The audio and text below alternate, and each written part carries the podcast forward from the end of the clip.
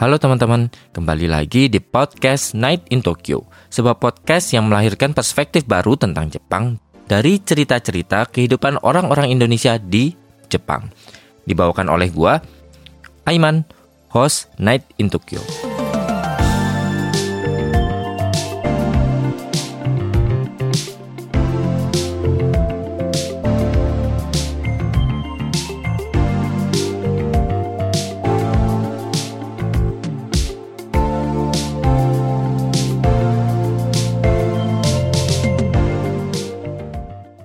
Halo teman-teman, kembali lagi dengan gua Iman di Night in Tokyo. Gimana teman-teman kabarnya semingguan ini? Semoga teman-teman tetap sehat, tetap baik-baik aja, tetap lancar semuanya, kerjaannya, studinya juga, ya rezekinya juga. Uh, di sini kita kedatangan tamu lagi. Dulu pernah datang ke Night in Tokyo, jadi dulu itu satu-satu ya, Karin dulu, terus Yumi dulu. Uh, abis itu baru Yumi. Nah sekarang mereka berdua datang berbareng. Jadi di sini ada Karin dan Yumi. Halo. Halo. Halo. Gimana kabarnya masing-masing? Baik. Baik. Kerjaan eh ya ya Karin kerjaannya gimana? Lancar, lancar, lancar, lancar ya. Yumi Um. kuliahnya gimana? Ya, mudah-mudahan lulus. Lulus. Berarti ini ya tahun ini cari kerja. Tahun ini ya job hunting terus 2025 bulan Maret baru lulus. Hmm, apakah ngikutin kakaknya? Kayaknya sih enggak deh. Kita kayaknya fieldnya agak beda ya. Oh, oke.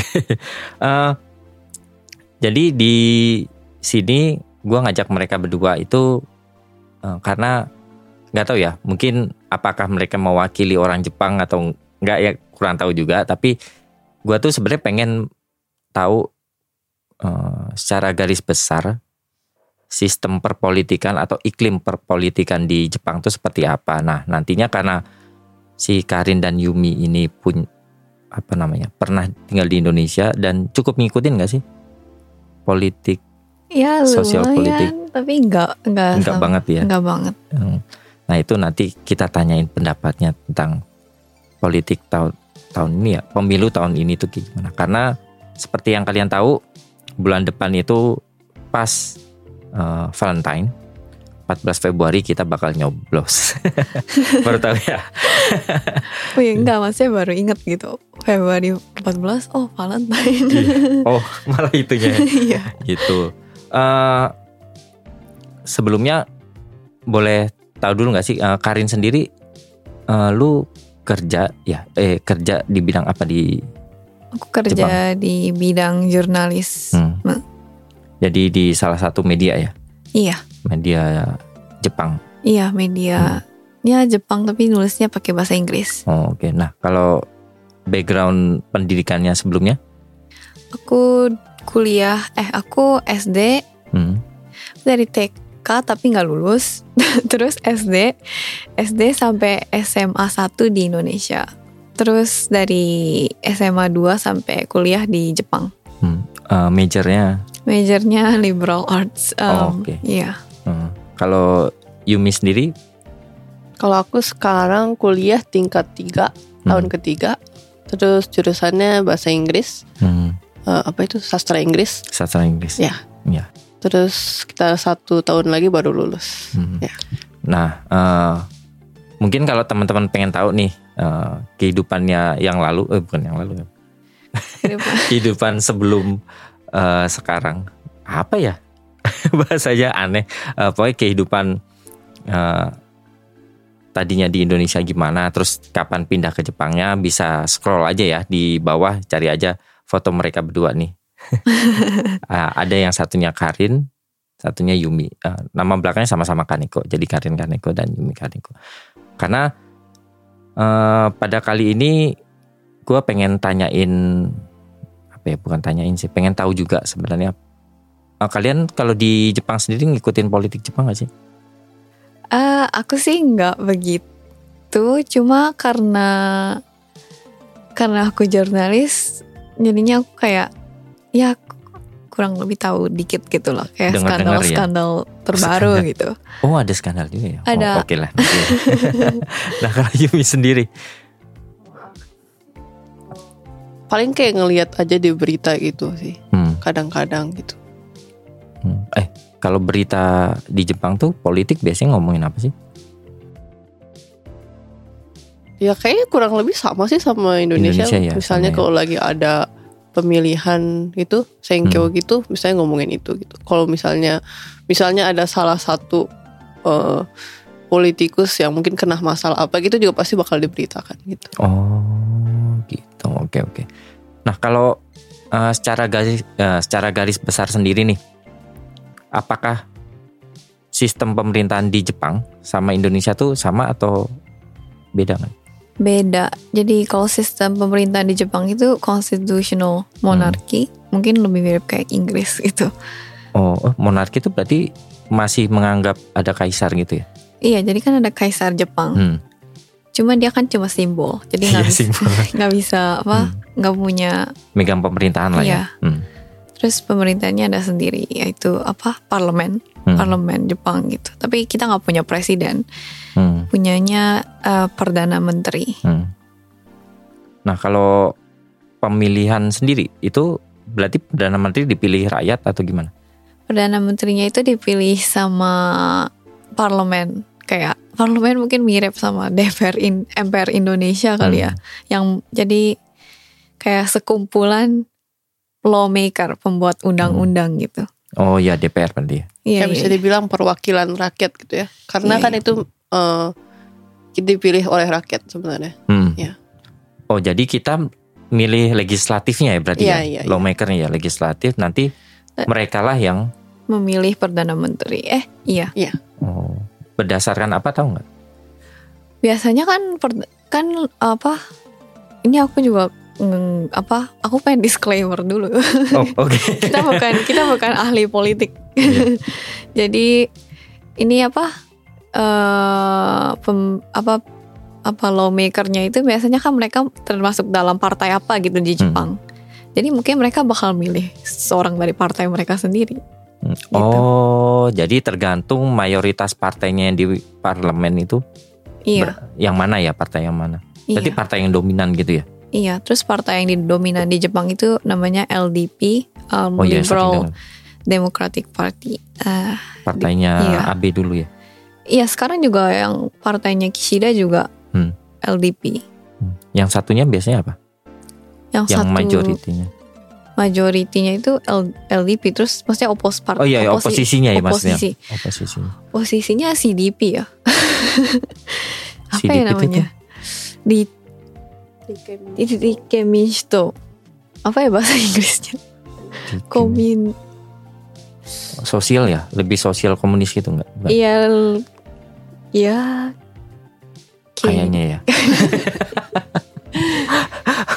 Oke, Keminsto apa ya Eh, tapi emang lebih lebih lebih nggak tahu ya tapi kayak aku lihat-lihat sih lebih liberal gitu mereka kayak support LGBT apa gitu Oh, satunya oh berarti yang sekarang memegang kekuasaan itu konservatif, lebih konservatif. iya ya? lebih konservatif Oh, satunya tuh lebih liberal gitu ya. iya dan LDP itu sangat dominan di Jepang jadi selama ini tuh kalau nggak salah LDP apa orang perdana menteri itu biasanya dari LDP gitu jarang ada yang dari partai Yang partai oposisi. lain gitu Oh, ya karena konservatif juga ya tapi ya. pernah gitu Oh, Cuma- pernah. kayaknya pernah cuma sekali atau dua kali gitu Oke, oke.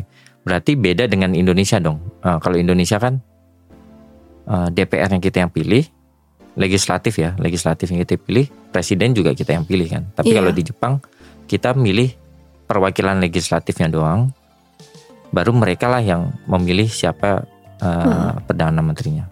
Sama lima tahun juga. berapa tahun ya kok kita nggak tahu ya tapi eh, dia nggak ada limit sih nggak seperti di Indonesia atau negara lain kan cuma Oh. dua periode gitu ya cuma kalau di sini kan nggak ada limit makanya eh, AB ya kan Prime Minister AB juga dia kan sangat lama di menjabat Oh, sebagai benar-benar. ya dia menjabat paling lama kalau nggak salah 9 tahun Oh, 9 tahun. Iya, jadi tapi aku tahu kalau yang apa? Jadi kan parlemen Jepang itu terdiri dari dua itu House of Representative Hmm. sama House of apa namanya? House of apa ya? Kok Shugin sama Sanggin? Oh, Sanggin apa? Iya. Ya, intinya eh jadi kokaigin itu dibagi dua ya kan Iya, nah, Shugin sama Sangin. Ya parlemen Jepang itu artinya Ya, bahasa kokai. Jepang lah ya. Kokai, iya. Cuma nggak tahu bahasa di bahasa Indonesianya kayak gimana. Iya, Oh, oke oke. Eh, nah, kalau kalian berdua sendiri pernah ikut pemilu itu pernah sekali. di Tokyo atau atau Di- tergantung dom, apa namanya domisilinya? iya, tapi kita cuma milih apa kepala daerah atau apa gitu. Oh, ya, Ya kan? yang masih masih di mana? Pas aku mas kita masih di em, tempat nenek kita em, di Fukuoka. Fukuoka. Oh. Pemilihannya kayak gimana? Pemilihannya kita cuma pergi ke tempat apa pemilu tempat pem- apa pemilunya terus kita cuma nyoblos terus udah masukin kertasnya ke dalam kayak box gitu kalau nggak salah ya udah lupa udah lama Oh, mirip ya berarti ya. ya kan Ya, aku pernah yang di Tokyo itu jadi hmm, jadi tuh mereka bakal kirimin kita semacam kertas gitu. Hmm. Jadi undangan untuk eh, pemilihan. Hmm. Nah, terus kita bawa jadi bisa di kertas itu tertulis gitu. Kita tuh nanti pemilihannya tuh di mana gitu. Rata-rata sih di Chiakusho gitu ya atau Oh. Kuyakusho gitu. Nah, terus kita bawa kertas itu, kita kasih ke orangnya. Nanti orangnya bakal kasih kita kertas untuk pemilihannya itu. Nanti kan ada kayak semacam bilik gitu yang kayak agak tertutup. Terus nanti kita tulis eh, tulis nama orangnya gitu atau nama partainya. Biasanya pilih dua gitu, partai sama orang. Oh. Dan gitu dilipat empat gitu, terus nanti dimasukin ke dalam kotak. pemilih. Oh iya. Nah, eh, apakah mereka itu apa ya namanya kampanyenya berkampanye juga nggak sih kayak di Indonesia gitu? Iya mungkin di sini itu oh berkampanye Hmm. soalnya kan sering kan ada mobil Oh lewat iya, gitu benar-benar benar. ya. yang ada apa posternya Oh itu bukan nggak semuanya kayak orang protes itu ya? Nggak, nggak juga ya? Oh enggak itu kadang-kadang Bukan. mereka sambil please pilih kita gitu apa please pilih Oh, Saya gitu. yang ada foto-fotonya gitu ya iya biasanya. iya iya Hmm. iya yang pakai apa speaker gitu Hmm. mungkin um, viewernya ini mungkin aku ada saran drama Jepang jadi ini drama Jepang ini tuh ada di Netflix namanya Nikon Shouyo Let's Get Divorced terus itu tuh ceritanya itu kayak benar-benar tentang polit jadi tuh ada main karakternya itu um, couple dan suaminya itu kayak lawmaker oh. gitu Oh, Yemi juga nonton nih kayaknya. Iya. iya. Iya. iya. Oh iya pernah dengar pernah dengar. Terus di situ bakal bisa melihat gitu kayak lumayan akurat gitu soalnya. Oh. Kayak politik Jepang itu seperti apa gitu. romance tapi eh, konflik intriknya tuh politik gitu ya. Konfliknya ya lumayan soalnya kan gara-gara apa kalau misalnya orang yang orang-orang di politik Jepang itu kan kayak elit-elit gitu.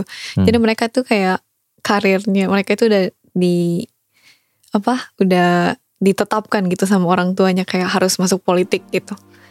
Jadi ya konfliknya itu kayak karena apa dia itu politician gitu jadi Hmm. kayak susah gitu ada banyak konflik-konflik gitu deh. Oh iya iya. Pokoknya ya eh, karena dia berasal dari keluarga politik lah ya. Itu kayak mulai pertimbangannya mulai ke arah politik itu kan misalkan. Iya, jadi Hmm. tuh istrinya itu em, istrinya itu kan kayak selebrit apa a- aktris. Aktris. Oh iya. Hmm. Terus kalau misalnya istri politician kan seharusnya biasanya kayak nggak Oh. Dalam dunia entertainment iya, gitu. iya, Jadi iya, kayak ada- ada konflik antara apa kehidupan setelah pernikahan itu Hmm. tidak sesuai gitu dengan yang diharapkan dan mereka kayak oh mungkin kita harus apa cerai, Cerai. gitu. Oh, Kayak mereka berdua pengen cerai gitu cuma. Makanya jud- judulnya kayak gitu ya. iya Oh, iya. Padahal kalau eh oh iya benar juga. Kalaupun cerai jadi jadi skandal juga kan yang bisa jadi kayak gitu kalau politik. iya Mungkin terus ya. iya iya iya jadi Ya, kayak silakan jadi tonton susah lah. gitu Eh, nah eh, waktu itu kalian nyoblos itu inget gak sih misalkan apakah sama gitu kayak orang Indonesia kalau legislatif kan memang kita bingung ya karena Hmm, kalau di Indonesia kan legislatifnya tuh banyak banget tuh uh-uh. kita juga nggak tahu makanya ujung-ujungnya di Indonesia tuh menggait selebrit selebritis tuh dengan dengan tujuan kayak gitu kadang-kadang bukan kadang-kadang Oh, kayaknya biar benar dipilih gitu. Iya kayak gitu. Nah kalau kalian sendiri waktu itu pertimbangannya apa dong? Karena biasanya mereka tuh promosi, maksudnya bukan promosi, mereka tuh biasanya bakal kasih tahu gitu kalau misalnya eh, misalnya partainya itu fokus dalam misalnya mendukung Oh. edukasi gitu kan atau Melihat partainya iya ya? iya iya. Jadi misalnya eh, ke- partai ini itu bakal misalnya membuat eh, apa edukasi 100% Gratis. gratis gitu misalnya ya kan Hmm.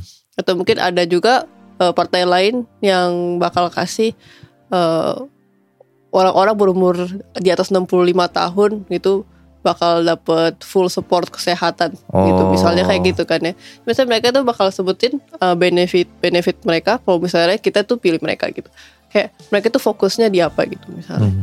biasanya sih kebanyakan orang sih lihat itu ya. Oh, jadi value mereka itu apa gitu. Kayak mereka itu eh, apa ya kalau misalnya mereka kita pilih mereka bakal eh, benefitnya apa buat kita gitu Hmm. Hmm.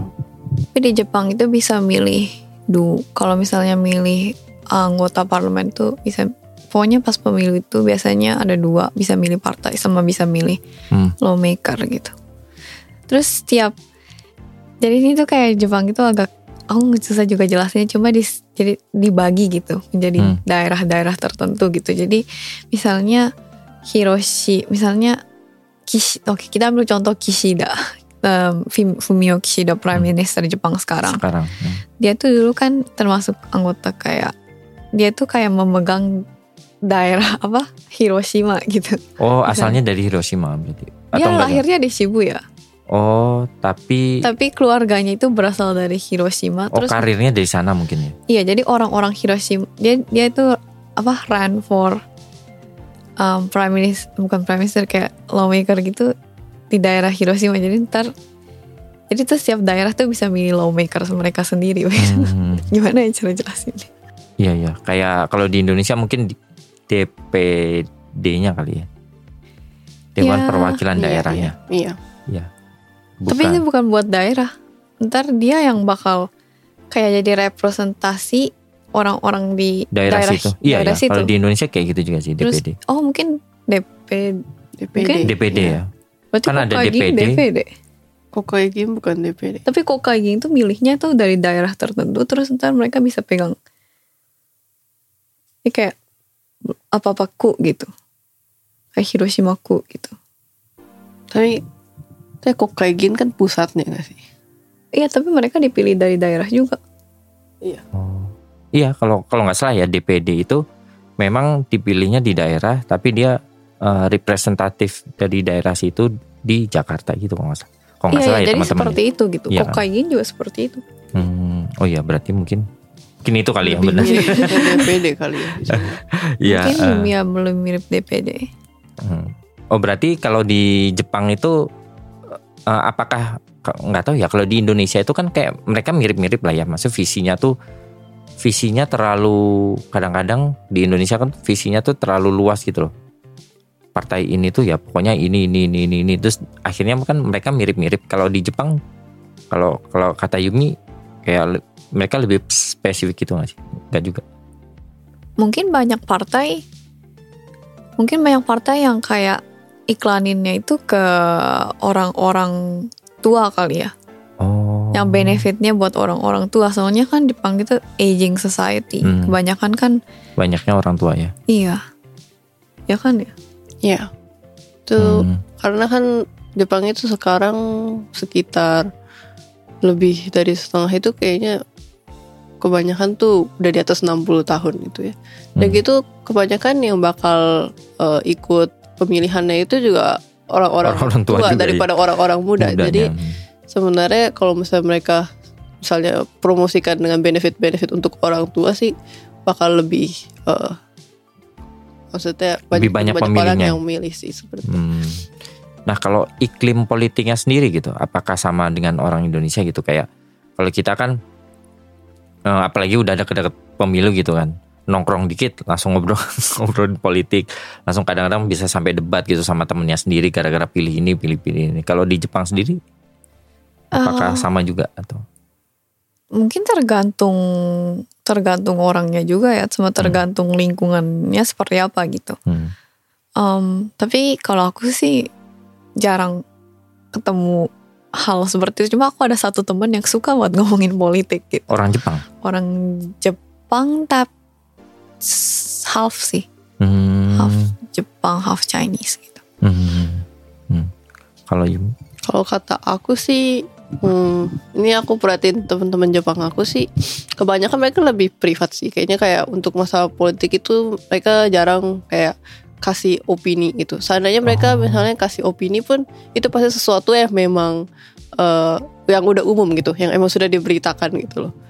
Jadi kayak kasih tahu misalnya nih, eh aku pilih dia gitu, itu kayaknya nggak mungkin sih meskipun kayak temen deket pun kadang malahan justru keluarga pun kayaknya nggak Hmm. nggak ngomong juga sih milih siapa gitu Tapi mungkin emang nggak begitu tertarik kali ya soal politik.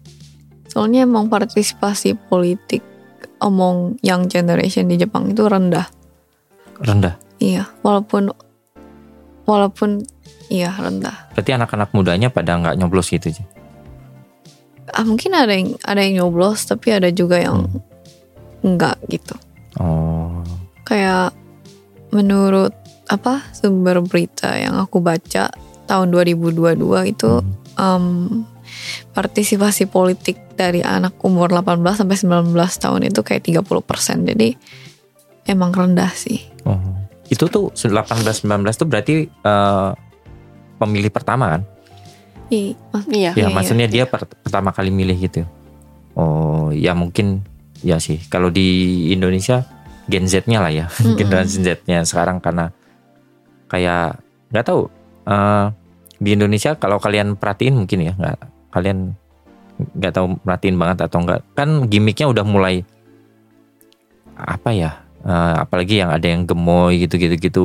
Jadi kayak konteksnya itu memang lebih ke gimmicknya. Jadi karena lebih pakai TikTok dan lain-lain karena memang pemilihnya yang banyak itu bukan yang banyak ya ada memang majori mayoritas yang banyak itu generasi Z kan Hmm. voters pertama di Indonesia kayak gitu ya seumuran kalian lah kayaknya iya karena kayaknya mayoritas Indonesia itu di antara umur 20 sampai 30 ya jadi Iya, kebalikannya Jepang justru ya. oh iya iya Iya.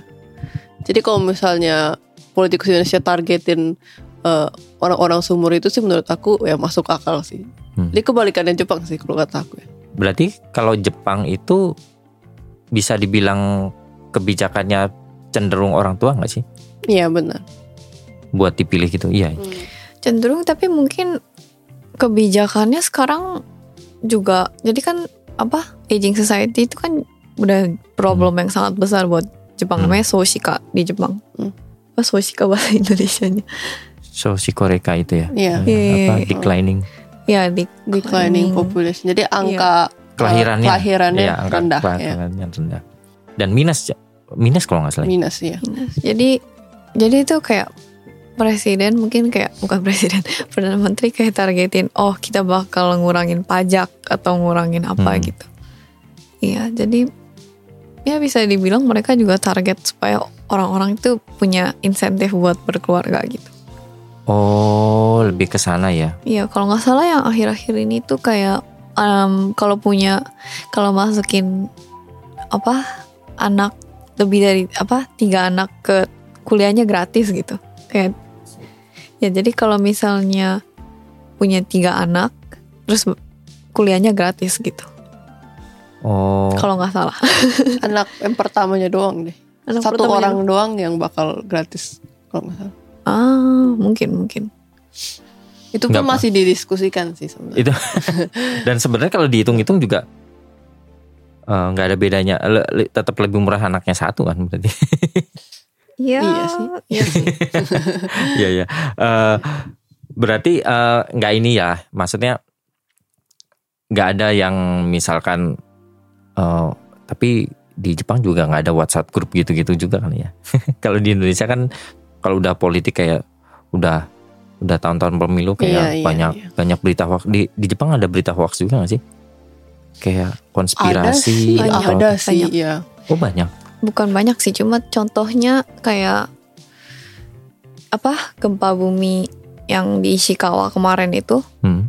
jadi tuh abis gem- gempa banyak hoax jadi contohnya itu kayak oh itu gempanya dibuat dibuat gitu gitu jadi banyak di Twitter Jepang juga banyak yang kayak Oh Jepang nyebarin berita-berita hoax gitu ada yang percaya juga.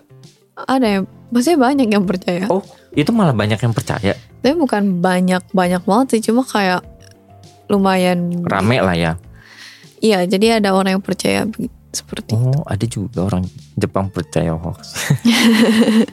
itu kayaknya bukan masalah apa orang Indonesia doang tapi kayak seluruh, Ya, seluruh lebih dunia. universal sih kalau aku Hmm. kata aku kayak masalah vaksin aja juga gitu kan ya Oh iya Jepang Iya. ya sempat kayak gitu ada yang bilang ada ya yang bilang itu sebenarnya ya eh, dibuat lah apa gitu kan ya Terus kayak iya eh, vaksin bohongan gitu-gitu. iya iya itu Terus pasti ngapain? universal sih kalau kata aku iya. Kalau berita yang berita hoax untuk menjatuhkan oposisi gitu, eh, menjatuhkan, ya maksudnya kan oposisi sama ini kan nggak ini. Hmm. Ada juga nggak? Hmm. Hmm. kayaknya jarang deh yang kayak gitu hmm. Hmm, Oh. Enggak juga sih. Nggak tahu ya tergantung. Cuma kayak skandal-skandal gitu banyak banyak skandal politik Jepang itu sebenarnya banyak. Contohnya itu kayak AB presiden AB ah presiden lagi ngomongnya sering presiden soalnya di Indonesia presiden kan dulu.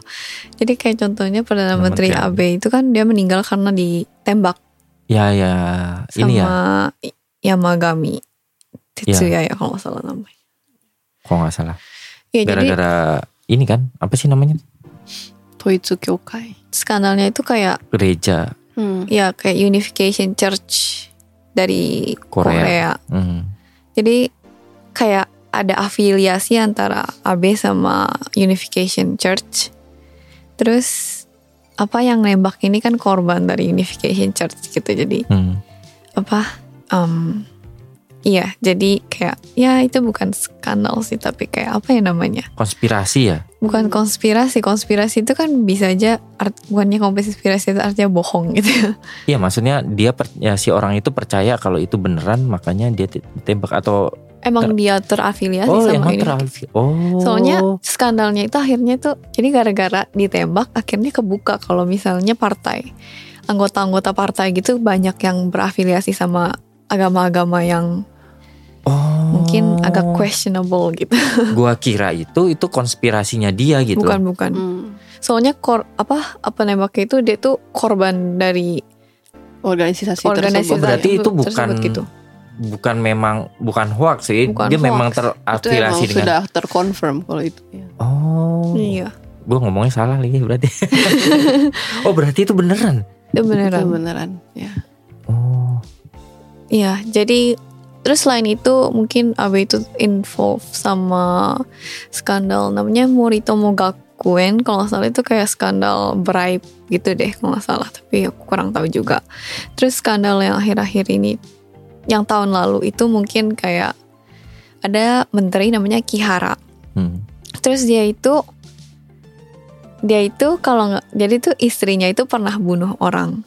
Cuma dia nggak diinvestigasi sama polisi karena si Kihara ini apa nyetop investigasinya gitu. Jadi um, dia itu dituduh. Jadi alegasinya itu kayak obstruction of justice gitu. Itu skandal tahun lalu dari Shukan Bunshun. Shukan Bunshun itu kayak majalah tabloid Jepang. Oh yang suka ini ya, yang waktu itu kamu mention juga ya, Iya iya iya. iya. yang suka apa sih namanya, bikin eh, nulis artikel skandal-skandal selebriti terus politikus gitu-gitu ya. Iya dia skandal tapi dia juga ngelakuin investigatif gitu. Hmm. Terus biasanya tuh media-media media-media main- mainstream Jepang itu nggak berani ngelakuin kayak investiga investigasi investigasi gitu kayak gitu gitu. Oh berarti spesialisasinya gitu. Oh dia tuh berarti ini beneran kirain konspirasinya. Oh Ah. enggak. Gue pikir itu si cowok si anaknya itu yang Mm-mm. anak dari ibu korbannya itu tuh eh, meng- apa ya namanya percaya konspirasi bahwa di si AB itu terafiliasi dengan gereja yang ibunya datangin itu kan. Mm-mm. Oh rupanya bukan konspirasi itu emang beneran Itu dia beneran. terafiliasi. Oh. Makanya sekarang jadi masalah kan.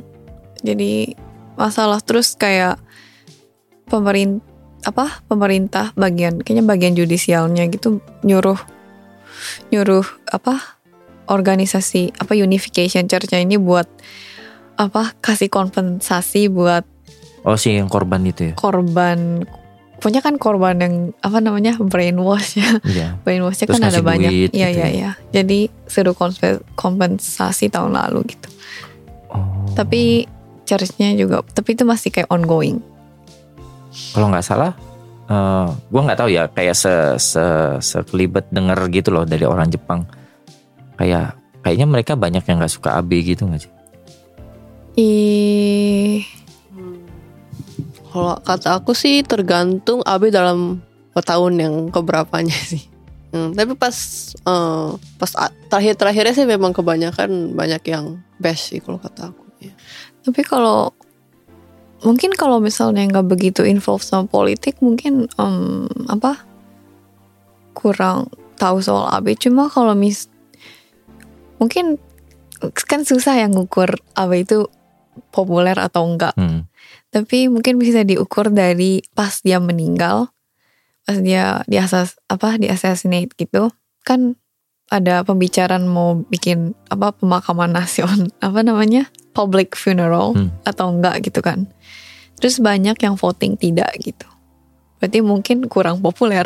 itu itu kalau kata saya sih itu bukan masalah populer atau tidak populer sih itu masalah eh, karena buat membuat eh, apa public funeralnya itu butuh biaya. butuh biaya yang sangat-sangat besar gitu dan sudah dijumlahin sekitar segini gitu kan itu lebih dari berapa ukuyan kalau nggak salah udah pokoknya benar-benar sangat besar kan ya Karena semua itu secara otomatis semua televisi harus nyiarin gitu kan. iya iya termasuk sama apa untuk security-nya juga itu udah besar banget nah jadi banyak orang yang mikir pas itu kan pas lagi corona juga kan ya Oh Jadi iya benar-benar. benar. kenapa eh, dibuat padahal itu uangnya biayanya itu bisa dibuat untuk menolong-nolongin orang-orang yang mungkin kehilangan pekerjaan di masa corona ini gitu Oh. Maksudnya bukannya mereka gak mau melakukan itu tapi lebih eh, mungkin biayanya itu lebih dibutuhkan di tempat lain gitu Tapi menurut aku itu menandakan ketidakpopularitasnya Bisa karena jadi ya benar. Karena biasanya public funeral itu buat kayak national hero Heroes. gitu. Berarti dia nggak dianggap national hero dan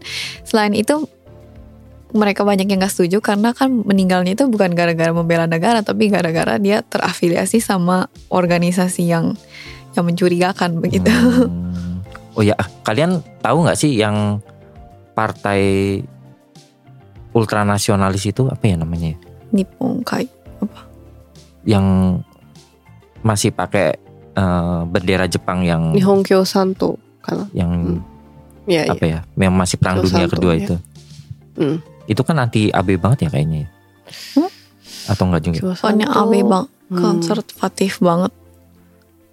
Yang ultranasionalis itu? Enggak ya? ya kayak Kyo Santo sih emang agak anti AB sih pas dulu sih Karena kan eh nggak tahu juga ya. Karena dulu kan eh, kayak yang mulai banyak datengin apa namanya? pekerja asing kan zamannya AB tuh mulai banyak tuh. Nah, itu kan si partai itu tuh kayak eh, Jepang adalah untuk Jepang. Jadi Hmm, gitu-gitu Iya deh. sih, tapi mereka juga pas lagi kalau zaman-zaman pemilihan itu nih Hongkyo Santo juga pakai mobilnya itu sering kayak ngomong-ngomong hal-hal yang kayak Terus mobilnya begitu hitam ya? Iya nggak sih? putih oh juga iya ada. putih putih juga Heeh, ada ya. heeh. Oh. Biasanya sih ya, biasanya mereka itu paling sering ngomongin tentang menolak pekerja asing biasanya. Hmm. Tidak menerima imigran, tidak menerima pekerja asing gitu. Hmm. Iya iya iya. Hmm. Pokoknya ada lah teman-teman. Iya, ada partai yang seperti itu juga ya. ya. Apa itu namanya? Eh, partai sayap kiri apa kanan ya? Kiri. Oh, Kanan. kanan, Kanan ya berarti ya kanan. sayap kanannya. Ya itulah. I- Itu cukup populer nggak sih di Jepang atau mereka cuma eh, minoritas yang suaranya kenceng aja sebenarnya? Minoritas yang Suara suaranya kencang. kencang aja sih kalau itu. Biasanya yang sangat apa orang tapi kadang-kadang ada dong orang yang kayak super ultra nasionalis gitu kan. Hmm. Mungkin. Oh ya benar benar benar. Iya, jadi hmm. tapi minoritas sih ya. Hmm. Mungkin mungkin banyak yang pendukungnya tuh yang yang umurnya sudah sangat-sangat tua mungkin yang ada apa sangkut pautnya sama pas masih zaman perang gitu ya. Oh. Nah kalau eh kan sekarang masuk iklim di Indonesia nih, masuk iklim politik di Indonesia. Terus kali kalian masih ngikutin gak sih? Terakhir kalian ngikutin politik? Aku sih paling cuma kayak kadang lihat-lihat berita aja gitu sih kayak siapa yang maju gitu udah gitu mereka nanggepin isu ter, ter- isu apa gitu caranya gimana gitu sih. tapi nggak apa nggak detail banget sih Berarti nggak nonton gitu debat-debat Mm-mm. gitu nggak iya nonton? iya Aku juga enggak. Cuma cuplikannya doang paling ya. iya iya Sekeliwat paling lewat gitu pas ya. eh, kayaknya kita masih tinggal di Indonesia pas eh, Jokowi se- Mm. pemilihan Pertama. ya, ya, pertama sebelum itu periode Hmm. pertamanya itu dan pas itu menurut aku eh, ini yang pasti nggak mungkin banget di Jepang kalau seingat aku pas itu tuh banyak yang pakai baju kotak gitu ya Iya, Untuk iya, iya. mendukung- ya kayak menunjukkan bahwa mereka itu mendukung politikus tersebut itu kan kalau di Hmm. Jepang itu menurut aku nggak mungkin sih kayak gitu Iya. Hmm. Oh pakai identitas gitu ya? iya iya kayaknya sih di Jepang itu nggak pernah ada yang kayak gitu. Terus Jepang itu mungkin Nah ini aku mikir kayak perbedaan culture gitu ya Kalau Indonesia kan pasti iklan-iklan partai Atau iklan presiden Hmm. gitu ada di TV kan Kalau di Jepang itu nggak boleh Oh nggak boleh. Iya itu dilarang Berarti mereka itu eh, berkampanyenya gimana? Cuma Jadi yang di jalan, ngomong-ngomongnya di jalan yang itu di jalan itu Yang pakai mobil? Hmm. Terus mungkin kayak bertemu langsung dengan rakyat gitu kali ya Hmm. Iya tapi di kayak di TV gitu nggak boleh Sama poster doang gitu ya berarti ya? Iya Nah jadi jadi kalau orang-orang buat tahu misalkan, oh ya kalau di Indonesia kan mereka berkampanyenya kayak ada visi misi dan lain-lain kayak gitu. Berarti di Jepang nggak juga nggak nggak tahu sama sekali bukan? Ya mak visi misi gitu harus kasih tahu dong mereka visi Hmm. misinya kayak apa gitu tapi nggak boleh di, TV Di gitu TV. Debat juga nggak ada gitu-gitu. debat juga Oh ya karena prime minister ministernya juga yang dipilih Iya, sama dipilih sama. iya Oh. mungkin karena itu partisipasinya rendah kali ya tapi nggak tahu juga ini cuma kayak pemikiran aku doang sih Hmm. Kalau kalau menurut kalian partisipasi banyak dan sedikit itu ngaruh nggak sih dengan kehidupan kalian gitu?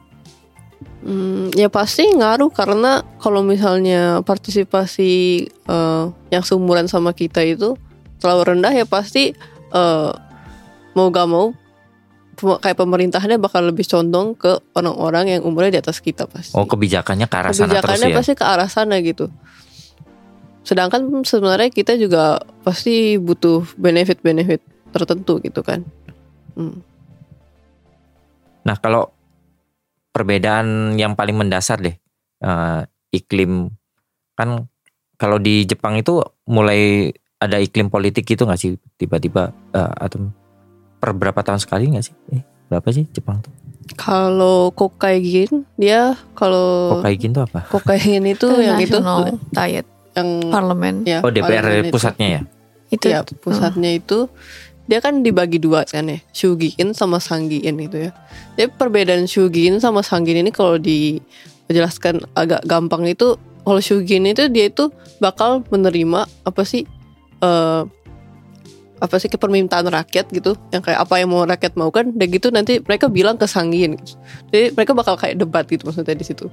Nah udah gitu Sanggiin itu mereka harus eh, nggak bisa kayak langsung terimanya jadi mereka bakal diskusikan juga kayak permintaannya Shugin itu. Jadi kayak eh, kayak memikirkan ulang gitu. Jadi mereka tuh biasanya kayak ada debat gitu di Kokaigin gitu ya. Shugin sama Sangin kalau Sangin itu dia eh, enam tahun deh. Dia setiap kali jabat itu enam tahun dan nggak bisa dibubarkan. Kalau misalnya Shugin itu dia empat tahun dan bisa jadi dibubarkan gitu. Iya dibubarkan sesuai dengan apa um, perdana menterinya. Kalau perdana menterinya bilang bubar gitu, ntar bubar gitu. Oh itu dua-duanya kita yang milih.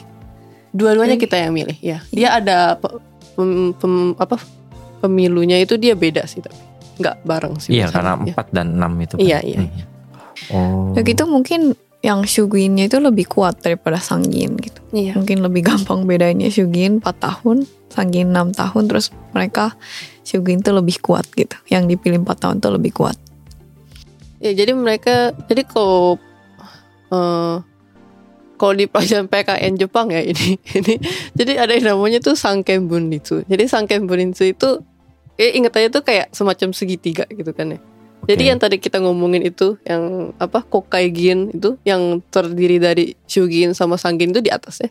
Udah Hmm. gitu yang sebelah sini itu Gyose. Jadi Gyose itu maksudnya menteri-menterinya ya. Mhm. Termasuk perdana menteri. Terus di sini tuh ada yang namanya eh, Shiho. Jadi Shiho itu terdiri dari apa itu kayak di Indonesia itu kayak Mahkamah Agung MA gitu. Aha. Ada kan ya. Jadi hukum lah ya. Nah, jadi kayak semacam segitiga gitu kan ya. Mungkin gampangnya itu legislatif, eksekutif sama judis judisial. Oh, Nah, iya iya, iya iya iya iya iya. iya Nah, benar. oh, cuman di di Jepang tuh hmm, legislatifnya DPR-nya itu dibagi ya, dibagi yang tadi tuh yang 4 dan 6 itu. Iya, iya, iya. Oh. Nah, jadi kita masyarakat tuh anggapnya di atas segitiga ini di tengah, kita itu milihnya itu yang atas. yang atas. Nah, gitu. Ah, Udah gitu ini kenapa mereka jadi segitiga karena mereka itu saling apa sih? Saling milih dan mem- tidak memilih. Maksudnya saling milih dan membantu gitu loh. Jadi nggak mungkin salah satunya tuh paling kuat gitu. Jadi biar equal gitu loh sebenarnya. hmm. Makanya ada sistem tersebut gitu katanya. Oh, sebenarnya lebih make sense gitu nggak sih? Nggak tahu ya. Oh, bukannya bukannya Indonesia juga begitu kan legislatif, eksekutif sama Iya kita milih eh kita milih legislatif sama eh, presiden kan. Mm-mm. Jadi eh, apa ya? Ya sebenarnya daripada kita pusing-pusing milih presiden, suruh aja legislatif yang milih gitu sih. Hmm, jadi nanti kalau misalnya ada pemilihan perdana menteri gitu, mereka ada pemilihannya juga di dalam Kokaigin itu. Jadi Oh, mereka tohyo juga di situ. Oh iya mereka Oh. ntar voting juga. Mm-mm. Tapi bukan kita yang voting kan? Bukan kita Iya. yang voting, mereka yang voting. Tapi kita yang voting mereka gitu. Kita voting yang Bakal Orang voting, voting. perdana menteri. Nah, eh, Nah, berarti eh, itu tergantung siapa yang dominan aja kan, partai apa yang Mm-mm. dominan gitu kan. hmm, iya. Kalau misalkan sekarang itu LDP berarti kemungkinan yang jadi perdana menteri itu LDP LDP. orang juga. dari mereka juga gitu. Oh. Iya. tuh. Kalau politik skandalnya apa aja sih biasanya kalau di Jepang? Akhir-akhir ini ada apa? Kalau nggak salah banyak kok banyak sebenarnya. Tapi Korupsi gitu juga ada ya? korupsi Hmm. ada, korupsi ada.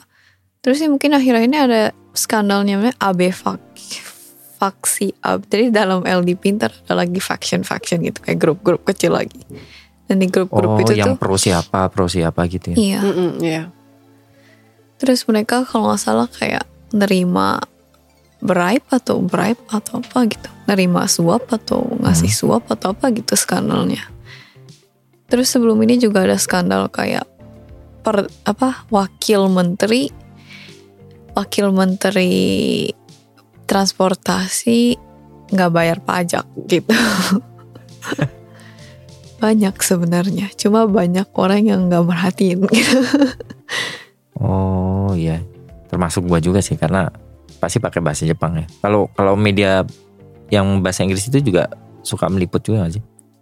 tempat aku kerja se- sering ngeliput skandal Jep- apa pemerintahan Jepang bukan Hmm. skandal sih kayak dia ngeliput pemerintah Jepang Mhm. Nah kalau menurut kalian berdua sendiri, eh apa ya? Kalau di compare Indonesia dan eh, Jep- eh, Indonesia dan Jepang, secara pemerintahan sehat mana sih? Hmm. sehat Jepang Sehat Jepang menurut aku sama. Silakan duluan. menurut aku kayaknya lebih sehat Jepang ya soalnya em, ya tetap aja korupsi nerima suap gitu-gitu ada cuma kayaknya nggak nggak selevel Indonesia gitu Oh, Indonesia kayaknya lebih masif dan kayak iya banyak banget sih. Iya, udah gitu Jepang tuh biasanya gimana ya? Walaupun Jepang juga banyak masalah juga, cuma Indonesia kayaknya lebih korupsinya juga gila-gilaan kan ya? Iya. Iya. Ya, kalau kata saya juga karena korupsi Indonesia-nya memang agak terlalu parah ya. Jadinya kalau Jepang itu pasti eh, misalnya terjadi pun lebih cepat ketahuan kalau kata aku. Oh. Iya, karena apa? Law-nya tuh lebih kuat gitu ya. Tapi kalau Indonesia kan Penegakan hukumnya ya Iya. berarti ya. kalau Indonesia maksudnya di Jepang kayak apa itu Komisi Pemberantas Korupsi KPK. KPK KPK aja tidak ada gitu. Di Jepang ya? Maksudnya kalau di Indonesia kan kadang pernah kalau nggak salah KPK-nya justru korupsi gitu ya. Iya kemarin baru Iya kan ya. Jadi itu gimana gitu ceritanya kan ya? Kalau KPK-nya korupsi, gimana caranya? Ya kan? Ya maksudnya karena ada permasalahan korupsi, kalau kata saya sih pasti masih lebih eh, sehat Jepang. Cuma kalau masalah tadi yang kita ngomongin tentang eh, apa? Yang orang yang ikut pemilu seberapa banyak itu pasti karena masyarakat Indonesia itu lebih apa? Lebih tertarik gitu ya sama politik. Dan menurut aku itu satu yang penting ya. Jadi eh, bisa jadi hal yang Jepang bisa pelajari dari Indonesia itu ya eh, membuat apa sih anak-anak mudanya lebih tertarik terhadap politik itu terus lebih ikut pemilu gitu ya Kalau eh di Jepang kena korupsi gitu di hartanya kayak misalkan dia nggak tahu ya kalau di Indonesia kan kadang-kadang kenapa susah meskipun dia di di apa sih namanya ya, ditangkap gara-gara korupsi kan dia nggak nggak nggak jat- nggak jatuh miskin gitu loh hukumannya gitu kan Hmm. makanya lagi lagi digodok kayak apa sih namanya law itu apa eh apa ya pemberantasan aset orang korupsi nah kalau di Jepang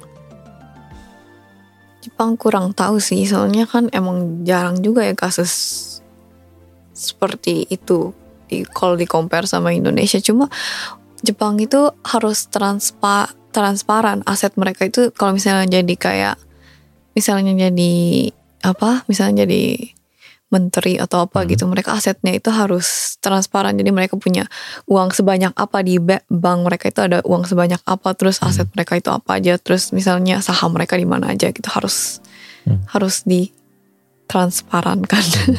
Jadinya mungkin lebih susah korupsi juga kali ya. hmm, mungkin lebih ini juga sih memang balik lagi kata Yumi kayak penegakan hukum juga sih lebih Iya tepatnya. lebih ketat banget sih kalau kata Hmm, Oke oke. Nah, eh kita masuk ke Indonesia. Kalau kalian melihat yang calon presiden sekarang, gimana menurut kalian? Kalau yang Indonesia? Kalau untuk eh, Prabowo sih karena dulu dia kan sempet eh, sama Jokowi ya, ya pas periode Oposisi pertama ya? iya iya oposisinya kan. Jadi kayak lumayan kenal gitu sih. Hmm, Ya untuk eh, kalau Anies kan dia menjabat sebagai gubernur Jakarta kan, Hmm. itu juga tahu. Tapi kalau untuk Satunya Ganjar ya kurang ini sih cuma dia kalau nggak salah gubernur juga di Jawa, Jawa Tengah, Tengah. ya, iya. Hmm. Hmm. Tapi kita kurang tahu sih kayak kita soalnya nggak ngelihat debatnya mereka itu Hmm. gitu. Iya, aku juga cuma baca berita doang. Mungkin kalau yang rame, mungkin yang diliput sama berita luar negeri mungkin kayak politik apa dinastinya. ya. dinastinya Jokowi kan pengen apa Oh iya sempat masuk di New York Times. Hmm, New York oh Times iya New York masuk, Times. ya. Reuters masuk. Iya, jadi kayak kan itu kan kayak gimana ya? Meng apa? Threaten the democracy gitu. Iya. Dan lagi ini emang kalau teman-teman yang suka ngikutin tempo sendiri pun itu lagi di ya gara-gara yang kasus itu bukan kasus ya tepatnya. Ya ya tapi kan pamannya juga udah ketangkep juga kan sebenarnya. Nah yang gara-gara itu tuh diserang terus kan sampai sekarang si nomor dua gitu. Oh, berarti kalian nggak nggak terlalu ngikutin lah ya apa kayak Tapi aku baca berita soal apa? Kan pamannya ketua apa MK. MK gitu. Hmm. Terus akhirnya apa uh, usianya boleh diturunin gitu kan. Ya kurang fair gitu. sebenarnya nggak diturunin sih eh usianya tetap tapi ada penambahan pasal Oh.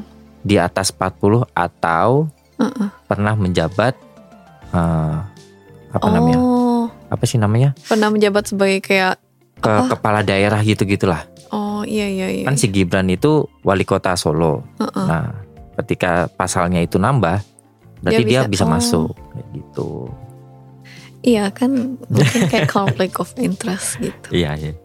Gitu.